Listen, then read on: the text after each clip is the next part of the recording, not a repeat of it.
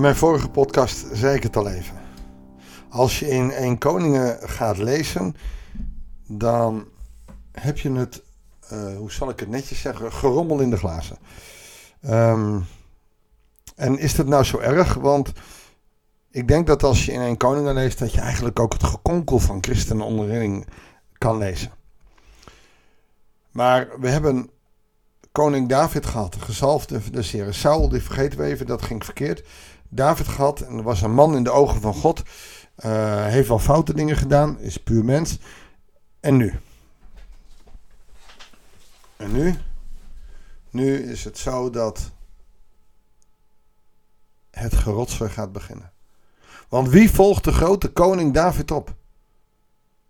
Opeens gaan er allemaal egootjes tellen. En als ik het zo noem, dan denken we al vaak: oh ja, dat geldt dus ook voor ons. Want ook wij hebben onze egootjes.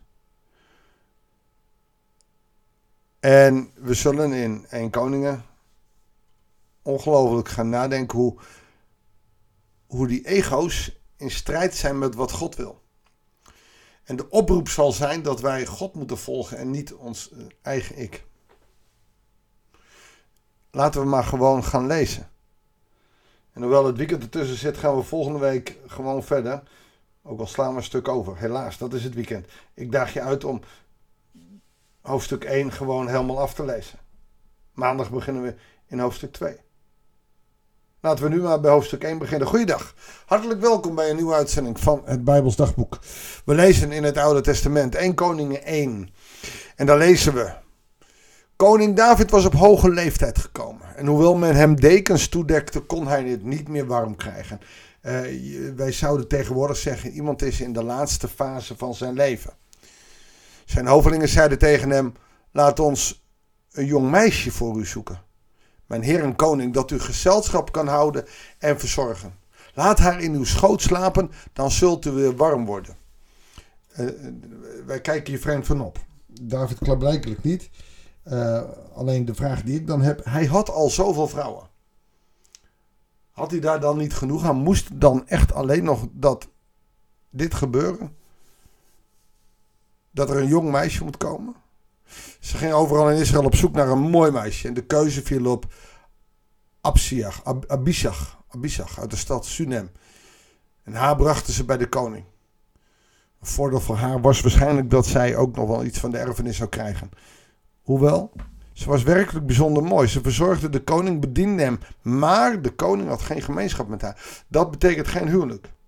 Nou, wat dat voor Abishag betekent, zullen we waarschijnlijk nooit weten. Maar het is wel bijzonder dat je zoveel vrouwen hebt en dat je dan nog een jong meisje nodig hebt om je te verzorgen. Om je warm te maken.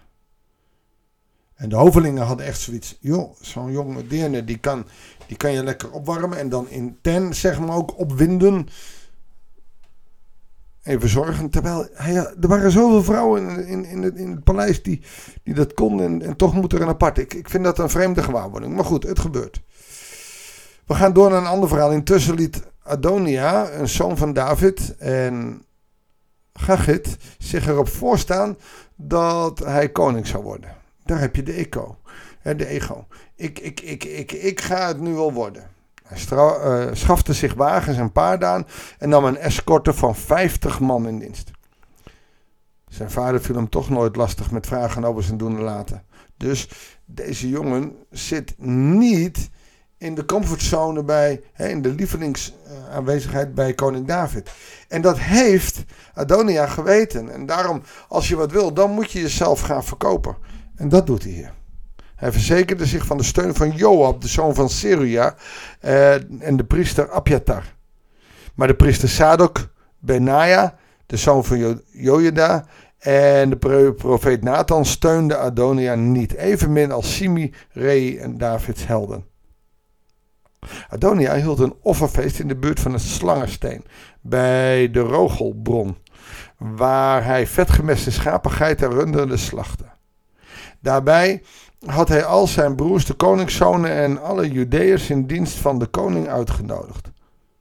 Maar de profeet Nathan, Benaja, Davids helden, had hij niet uitgenodigd en zijn broer Salomo ook niet. Hij gaat het wel even regelen. En wat hij doet is de boel afkopen. Want als je iedereen goed gezind blijft, dus op een feest uitnodigt, goed te eten geeft, dan zullen ze voor je stemmen. Het is zoiets als presidentsverkiezingen in Amerika. Wie het meeste geld heeft, die kan president worden. Wie het meeste weg kan geven. Het is een campagne waar wij minder van houden, hoewel het bij ons wat anders gaat. Maar ook als de Kamerverkiezingen zijn, gaat iedereen ook weer op pad. En, en er kan geen lief woord over de ander gezegd worden. We vallen over elkaar en de felse strijd is er. Heel bizar. En Nathan zijn tegen Batseba, de moeder van Salomo, heeft u het gehoord? Adonia, Adonia de zoon van Gagit, is buiten medeweten van onze Heer David tot koning uitgeroepen. Laat mij u raad geven. Stel uw leven en dat van uw zoon Salomo in veiligheid. Je ziet dus, Salomo heeft zichzelf uitgeroepen.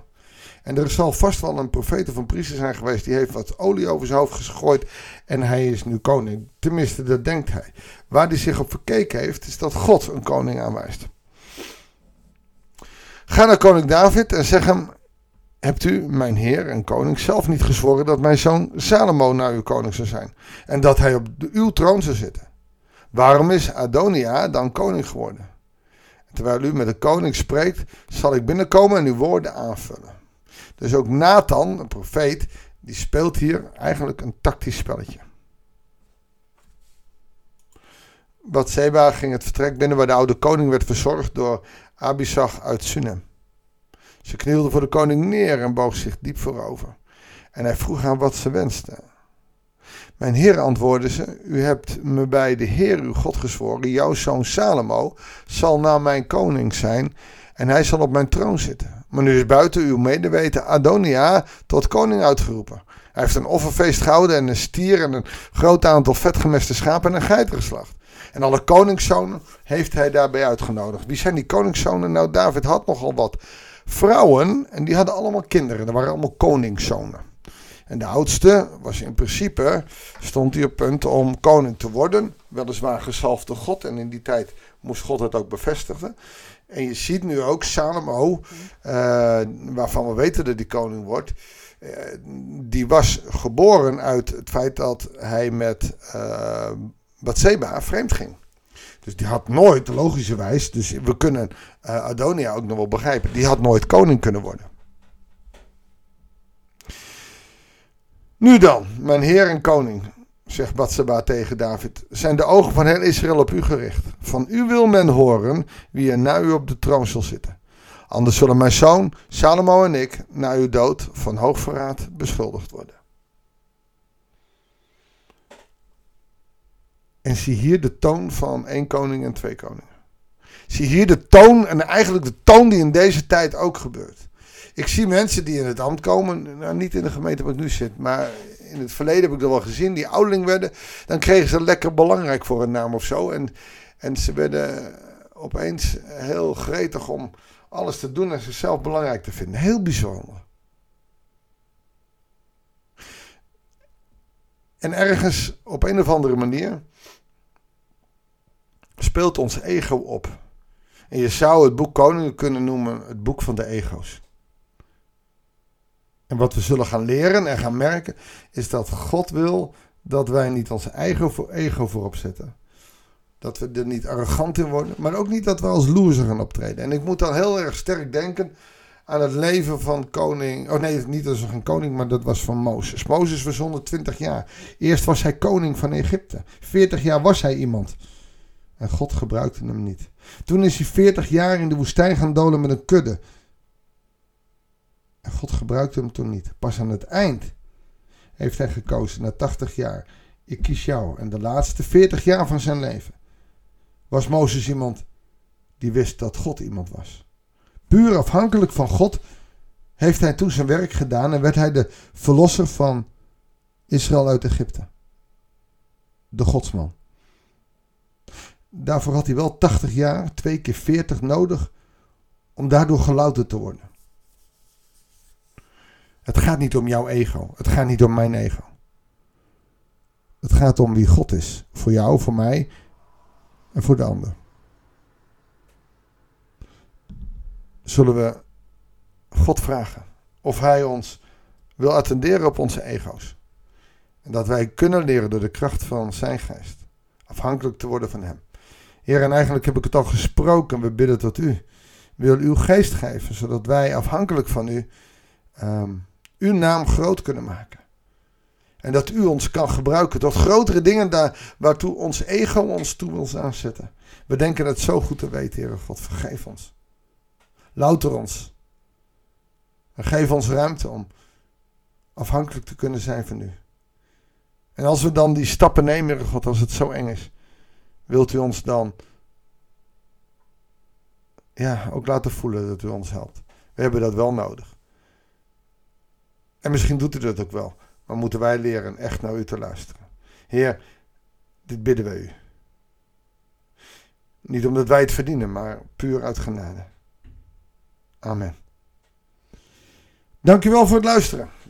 Lees vooral 1 Koningen 1 even helemaal uit. Dan gaan we samen maandag weer met 1 Koningen 2 verder. Ik wens je een heel goede dag, een goed weekend en heel graag tot de volgende uitzending van het Bijbelsdagboek.